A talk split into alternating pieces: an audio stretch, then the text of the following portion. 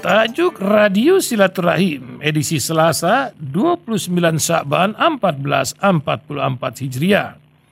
Bertepatan dengan 21 Maret 2023. Diberi judul Bersihkan hati untuk bulan yang suci. Tidak lama lagi dalam hitungan hari ke depan bulan suci Ramadan yang di dalamnya penuh rahmat berkah dan pengampunan dari Allah Subhanahu wa taala akan segera menemui umat Islam di seluruh penjuru dunia.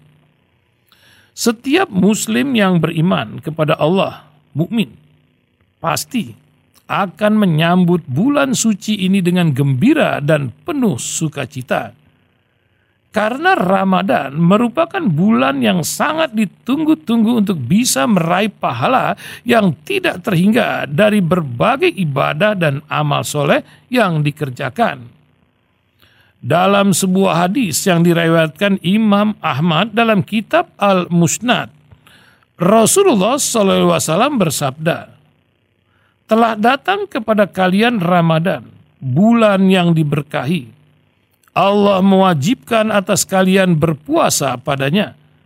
Pintu-pintu surga dibuka padanya. Pintu-pintu jahim neraka ditutup. Setan-setan dibelenggu. Di dalamnya terdapat sebuah malam yang lebih-lebih dibandingkan seribu bulan. Siapa yang dihalangi dari kebaikannya, maka sungguh ia terhalangi. Oleh karenanya, para ulama dan orang saleh sangat merindukan dan berbahagia jika Ramadan akan datang. Ibnu Rajab Al-Hambali berkata, sebagian ulama berkata, dahulu mereka para ulama berdoa kepada Allah Subhanahu wa taala selama enam bulan agar mereka dipertemukan lagi dengan Ramadan Kemudian mereka juga berdoa selama enam bulan agar Allah menerima amal-amal soleh pada Ramadan yang lalu. Mereka, apa yang disampaikan dalam keterangan riwayat di atas adalah salah satu kabar gembira dari Rasulullah SAW. Pada setiap kabar gembira, seorang mukmin diharuskan bersuka cita, berdoa, menyambut dan berusaha mewujudkannya. Dengan diberikannya nikmat sehat dan usia dari Allah, seorang mukmin harus mempersiapkan diri untuk menyambut bulan yang penuh berkah ini. Tentunya kita harus meningkatkan semangat dalam beribadah dan bertakwa kepada Allah Subhanahu wa taala dengan bersih hati, bersih jiwa serta bersih lingkungan hati, jiwa dan pikiran bersih seyogyanya membuat kita bersih dari lingkungan. Dalam arti yang sesungguhnya dan dalam arti hakikat bersih dari kegiatan-kegiatan yang tidak manfaat. Mulai menjauhi kegiatan-kegiatan yang dilarang dan mulai menata amalan perbuatan yang bisa kita lakukan dengan sebaik-baiknya Jauhi semua hal yang bisa menimbulkan dampak sara, pornografi, obat-obatan terlarang, perbuatan maksiat yang dapat merugikan kita maupun orang banyak. Di bulan suci Ramadan yang penuh berkah nanti, sebaiknya kita sebagai insan muslim mengurangi bahkan meninggalkan hal-hal yang nantinya bisa merugikan diri pribadi bergaul dengan orang-orang yang bisa memberikan dampak manfaat yang baik, serta menjauhi segala bentuk pergaulan yang bisa menjerumuskan ke dalam lembah kenistaan. Jangan mudah terprovokasi oleh berbagai berita yang bersifat hoax yang bisa mengarah ke dalam bentuk perpecahan serta permusuhan yang tidak penting. Terlebih jika hal tersebut bisa mengganggu ukhuwah Islamiyah dan ketertiban masyarakat.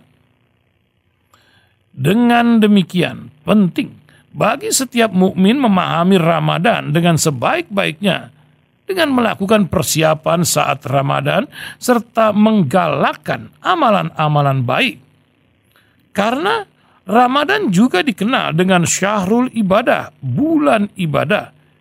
Kita bisa bayangkan begitu hebatnya kemuliaan yang Allah berikan bagi orang yang berpuasa lagi beribadah. Di sini kita harus berlomba-lomba melakukan amalan seolah di bulan Ramadan nanti rubah, rubah pola pikir dan pola hidup.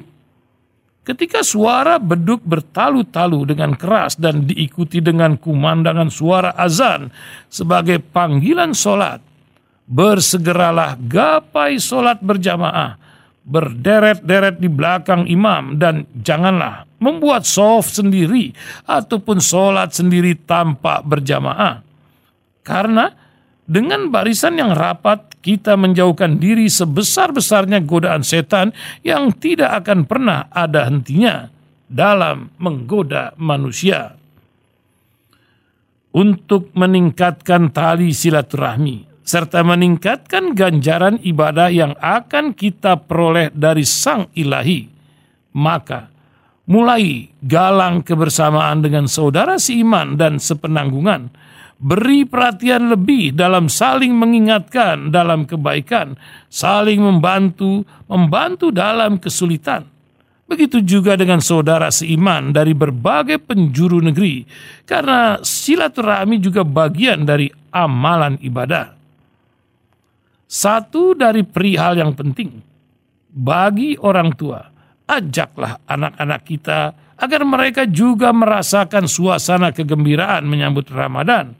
Sehingga Ramadan menjadi momentum bagi orang tua untuk menjalin persahabatan dengan anak. Semoga Allah senantiasa memberi kemampuan serta kemudahan untuk kita semua dalam melaksanakan dan menjalankan Ramadan di tahun 1444 Hijriah dengan ikhlas dan sebaik-baiknya. Wallahu a'lam bissawab.